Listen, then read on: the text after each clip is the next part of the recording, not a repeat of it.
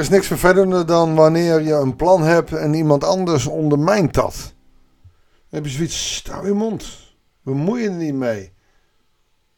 Maar vaak is het dan al te laat, omdat het al gezegd is. En ik kan me goed voorstellen dat de mensen in de tijd van Jeremia last hadden van een profeet. Vooral wanneer je veel eigen ikjes hebt. Mensen die het allemaal beter weten. Dan opeens. Ja. Dan heb je last van mensen die moeilijk doen. En dat ontdekken we vandaag ook. We gaan samen lezen uit Jeremia 38. Goeiedag, hartelijk welkom bij een nieuwe uitzending van het Bijbels Dagboek. Jeremia 38, vers 1 tot en met 13. Het is lang geleden dat we zo lang in één Bijbelboek hebben gelezen. Dat is eigenlijk heel bijzonder. Soms doen we dan vijf dagen daaruit en dan opeens zit je weer aan de andere kant van de Bijbel. Nu, vrij lang zijn we in Jeremia bezig. En dat is ook op zich wel heel boeiend, want je kan het verhaal dan even uh, een beetje meemaken. Hoewel echt een logische volgorde kan je niet altijd ontdekken. Maar ook de gedeeltes die we elke keer lezen, kunnen we wat uithalen. En doen proberen we vandaag ook. Jeremia 38, waar vanaf we zijn. Sefatja, de zoon van Matan. Gedalia, de zoon van Pashur. Jugal, de zoon van Selemja. En Pascheur, de zoon van Malkia, hoorde dat Jeremia de mensen bleef toespreken. Dit zegt de Heer, wie in deze stad blijven, zullen sterven door het zwaard, de honger en de pest. Maar wie zich overgeven aan de Galdeën, zullen gepaard, gespaard, sorry, gepaard, gespaard worden en het levend afbrengen. Ik snap ook best dat de mensen in die tijd behoorlijk van de rel waren van deze boodschap. Dat wil je niet. Je wil zo lang mogelijk je land of je koninkrijk of je, je hachje, zeg maar, verdedigen. Je gaat je niet overgeven aan de vijand. Zo van, nou, dan word ik meegenomen naar de andere kant van de woestijn. En dan kom ik in een vreemd land. Dat wil je helemaal niet. Dus je verdedigt je met hand en tand. En dan is er zo'n vervelende profeet die zegt, je moet je overgeven aan de vijand. Nou, niks niet. En, en die egootjes, egootjes als Sefatja en uh, Gedalja Jugal en Pascheur, dat zijn van die mensen die zeggen, ja dag, doe normaal. De raadsheren zeiden tegen de koning dan ook, die man moet er doodgebracht worden. Door zulke dingen te zeggen ondermijnt hij immers het moreel van de inwoners en van de soldaten die hier nog overgebleven zijn. Ik kan me het voorstellen, als je als kerk bijvoorbeeld probeert de liefde van Christus uh, te vertonen uh, en, en, te verkondigen. En er is iemand die zegt, nou helemaal niks lief, dit is heel verdoemenis en dit en dat en zo en zo. Weet je, dan voel je dat je boodschap ondermijnd wordt. Ik heb het zelf ook wel eens in mijn eigen gemeente iemand voorgaat waar ik niks mee heb dan voel je dat je eigen woorden ondermijnd worden. Het vervelende is, dan ga je ervan uit dat jouw woorden dan ook zaligmakend zijn, of in ieder geval de waarheid zijn. Dus ik moet me dan zelf ook altijd weer even beroepen op het feit van ja, maar jij, hebt ook niet alleen maar de waarheid.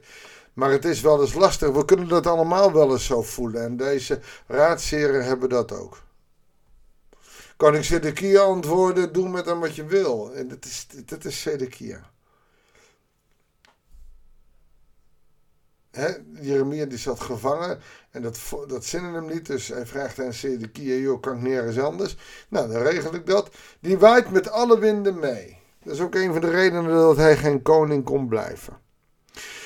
Dus heel typerend. Doe met hem wat je wilt. Ik kan jullie niet tegenhouden. Natuurlijk wel, je bent de koning. Ze brachten Jeremia naar de waterkelder van prins Malkia.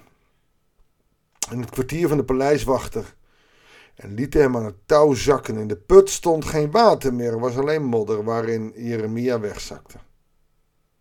Nou, lekker dan. Jeremia zit diep in de put. Ebed Melech, een hoveling afkomstig uit Nubië, um, hoorde daarvan. Ebed Melech is een, vermoedelijk een uineug, een ontmande die als knecht was. Die kon je ook in het vrouwenverblijf uh, uh, laten werken, want een neug had geen behoeftes aan seksualiteit. Uh, en Ebed Melech is dienaar van de koning. Melech is koning. Dus zijn naam betekent eigenlijk gewoon dienaar.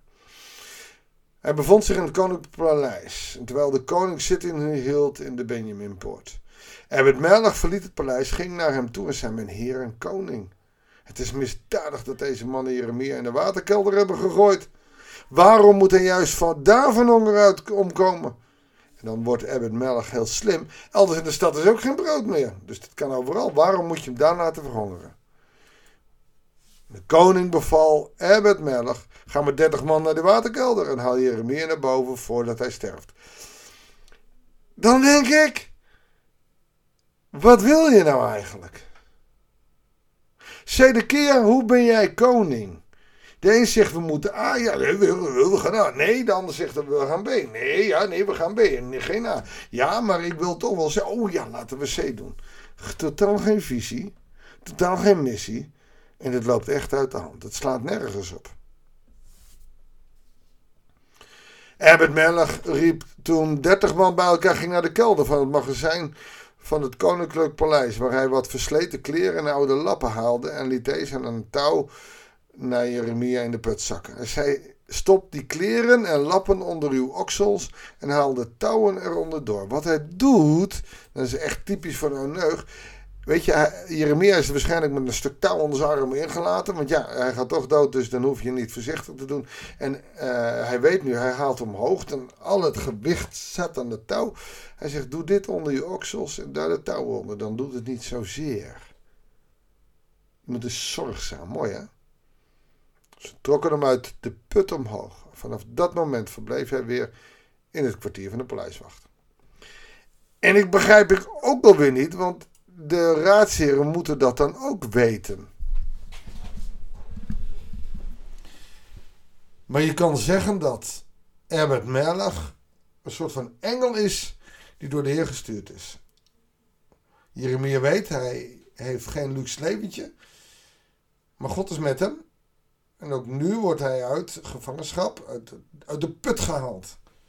Als je in de put zit, als je niet letterlijk maar figuurlijk, dan kan God je eruit halen. En eh, vanuit dit soort verhalen kun je dat zien. Hij protesteert niet, hij moppert niet. Hij weet, het komt goed. God heeft een plan met mij. Heeft hij voorzegd, als ik dicht bij God blijf leven, zal dat plan ook uitkomen. Wat een geweldige boodschap. God is goed. God is echt geweldig goed.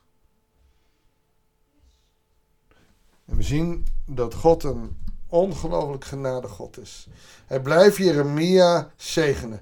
Daaraan kunnen de raadsheer ook zien van ja, wij kunnen wel wat willen, maar het is God die we moeten luisteren, maar dat doen ze toch niet. Want overgeven aan de vijand is natuurlijk een rare boodschap. Maar het is dezelfde boodschap als Jezus. Heb u vijanden lief? We kunnen er makkelijk over praten. Onlangs was ik bij een samenkomst waar ook Oekraïners waren. En we gingen bidden voor de situatie in Oekraïne. En toen gingen we ook bidden voor Poetin. Nou, dan, dan worden ze helemaal leed. Dat kunnen ze niet. Dat is ook ontzettend moeilijk. En alleen daar en uit dat feit kom je erachter. Als je bidt, heb je vijanden lief, dan, dan is het voor ons makkelijk, want we hebben niet zulke grote vijanden. Hoe zouden ze dat in oorlog hebben gedaan? Zouden er voor Hitler gebeden zijn? Zegend wie u vervloeken. Het zijn allemaal teksten die hiermee te maken hebben. Afhankelijkheid van God. Betekent dat je soms wel heel erg andere dingen moet doen. Laten we gaan bidden.